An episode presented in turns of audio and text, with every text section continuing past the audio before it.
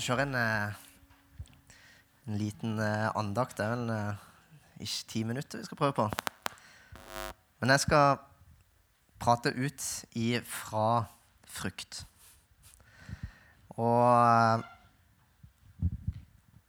jeg vil bare egentlig starte med å prøve, prøve å sette situasjonen. Liksom, og tid er vi egentlig møter på dette, spesielt som kristne også. da.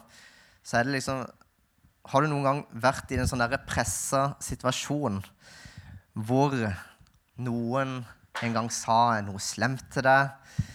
Eh, kanskje du fikk eh, et slag, kanskje en som slo til deg? Eller at eh, du prøvde å få kontakt med en, men den bare ignorerte deg? Og så setter deg i en sånn situasjon, da, så er det kanskje for eh, nå, nå, gikk jo egentlig de fleste barna ut også, så den var jo egentlig for oss å prøve å komme litt inn på de òg. Men dette her er jo også veldig aktuelt for oss òg. Kanskje vi ikke får et slag av og til, men vi kan bli ignorert. Vi kan få bli sagt noen eh, stygge kommentarer, dumme kommentarer, som er et, eh, mer et angrep enn er retta mot oss. da. Og så er det ikke for at det skal bare være kristne. Det er det ikke. Det er ikke poenget. Men setter, vi er mennesker, vi har følelser. Vi er skapt med følelser. Og du vil kanskje kjenne på de følelsene som f.eks. sinne, frustrasjon. Det at du kanskje egentlig har lyst sånn innerst inne, lyst til å mokke til en tilbake. Eller kanskje du er den som begynner å kjenne på at jeg trekker meg litt mer unna. Du er kanskje også den som eh, kunne heller satt deg ned for å gråte. Eller bare være alene. Eller kanskje du er den som ønsker å bli venn med denne personen, tilgi denne personen. Vi har mange forskjellige Vi kan respondere ulikt på dette. her. Men vi vet jo alle sammen, hvis vi er helt ærlige også, så er jo det realiteten. Vi har følelser. Vi reagerer ulikt.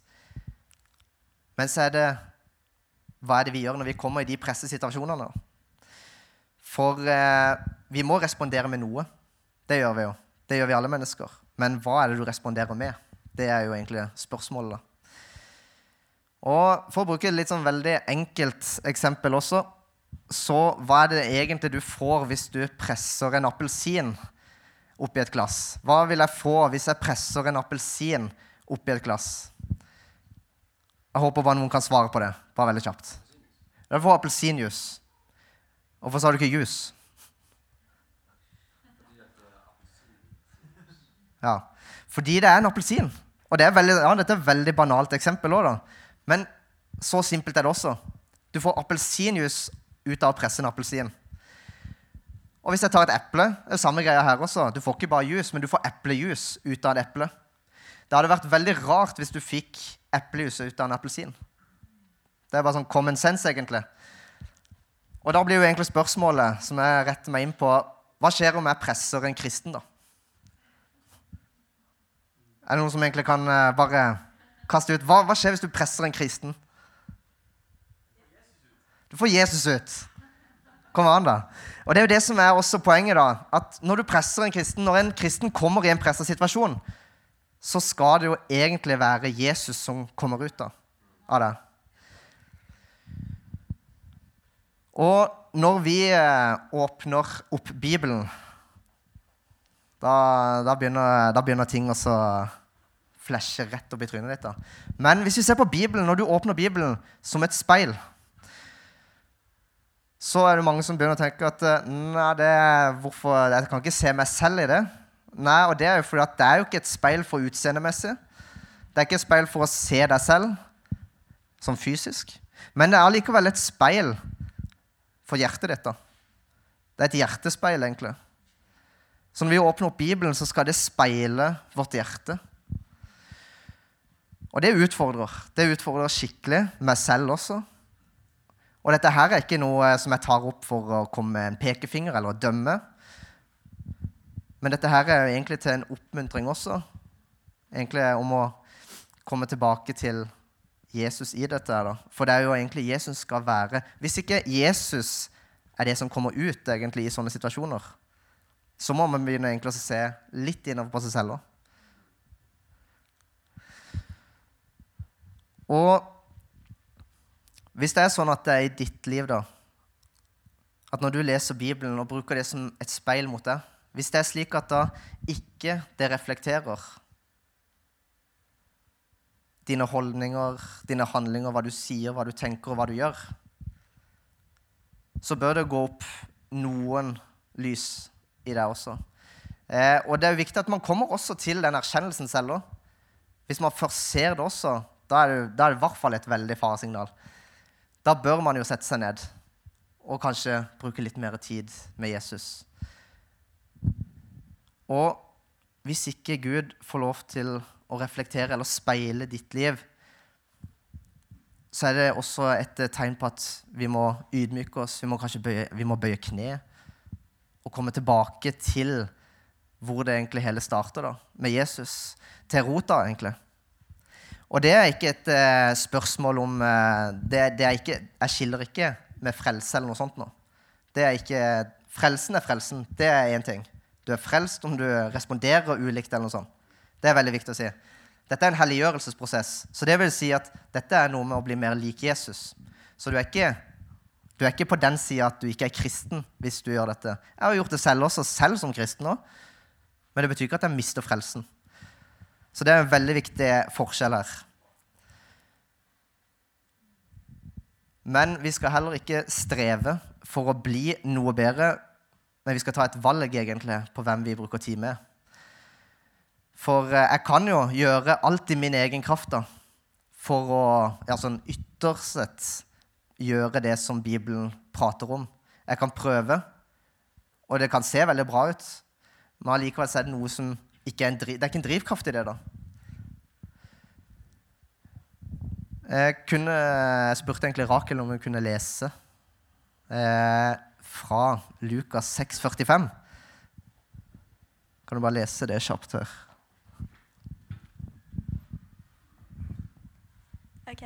Eh, et godt menneske bærer fram eh, det som godt er, av hjertets gode forråd.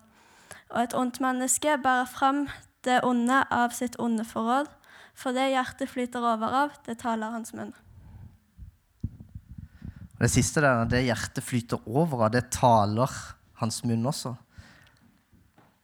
Her kommer vi egentlig litt tilbake igjen da med at Bibelen speiler det egentlig hjertet skal flyte egentlig over når vi har tatt imot Jesus òg. Men så er ikke alltid at det gjør det heller. Men eh, jeg vet ikke om du har tenkt på det noen ganger. Hvis du, du har jo sannsynligvis en beste kompis eller en beste venninne, og du bruker ekstremt mye tid med denne personen, så skjer det noe også med deg. Jeg vet ikke om du har tenkt på det før. Vi, vi tenker kanskje ikke alltid sånn på det sånn naturlig, men det skjer noe underbevisst, egentlig når vi er sammen med denne samme personen eller den samme gruppa over lang, lang tid. Bruker veldig mye tid med den. Og det som skjer, er jo at vi blir mer lik den gruppa. Vi blir mer lik den personen du henger mest mulig, altså mest mulig tid med. Og så tenker vi kanskje ikke over det, men dette her er jo veldig overførbart også til Jesus. De holdningene og de verdiene, slik som man tenker, hva man, hva man sier, hvordan man handler Alt det kommer ut ifra hvem vi er med. Og så tenker vi kanskje ikke alltid over det. Men det er faktisk en veldig viktig tanke å, å kunne egentlig tenke innover i sitt liv. egentlig. Hva fyller jeg med meg, egentlig? Fyller jeg Jeg sier ikke at det, det er dårlig å ha venner. Det er ikke poenget. Men hvis det er slik at det er dårlige holdninger i en gruppe, så vil jo det også reflektere inn i ditt liv. For det er det du fyller ditt hjerte med. Du fyller ditt hjerte med de du omgås med.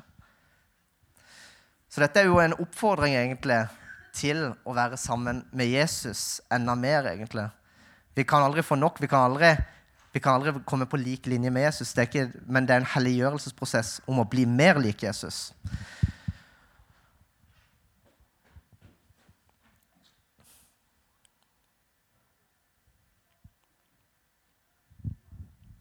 Og dette er jo egentlig det som vi også kaller eh, For jeg kalte jo talen egentlig for frukt. Så det er jo egentlig dette her eh, som eh, er meninga med frukt, egentlig. Det er ikke noe vi strever etter. Det er ikke noe vi må prestere for å klare å få til. Men Bibelen omtaler det som en frukt. Og det er, ja, det er kanskje litt sånn rart å si, prøve å forklare det av og til, men Vi har jo sagt, vi har sagt ja til Jesus. da. Den hellige ånd har flytta inn i oss. Og det som skjer som en respons på det, en eh, konsekvens av det, er at det kommer noe innifra og ut som det bare skjer en forandring. egentlig. Det er ikke noe jeg, jeg trenger å streve etter, og nå må jeg skjerpe meg.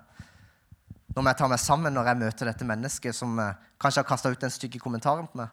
Nå må jeg skjerpe meg når jeg møter med den. Det er ikke det som er greia her. Men hvordan er det Jesus egentlig responderer i sånne situasjoner? Og Jo mer jeg får være med Jesus, jo mer lik blir jeg Jesus.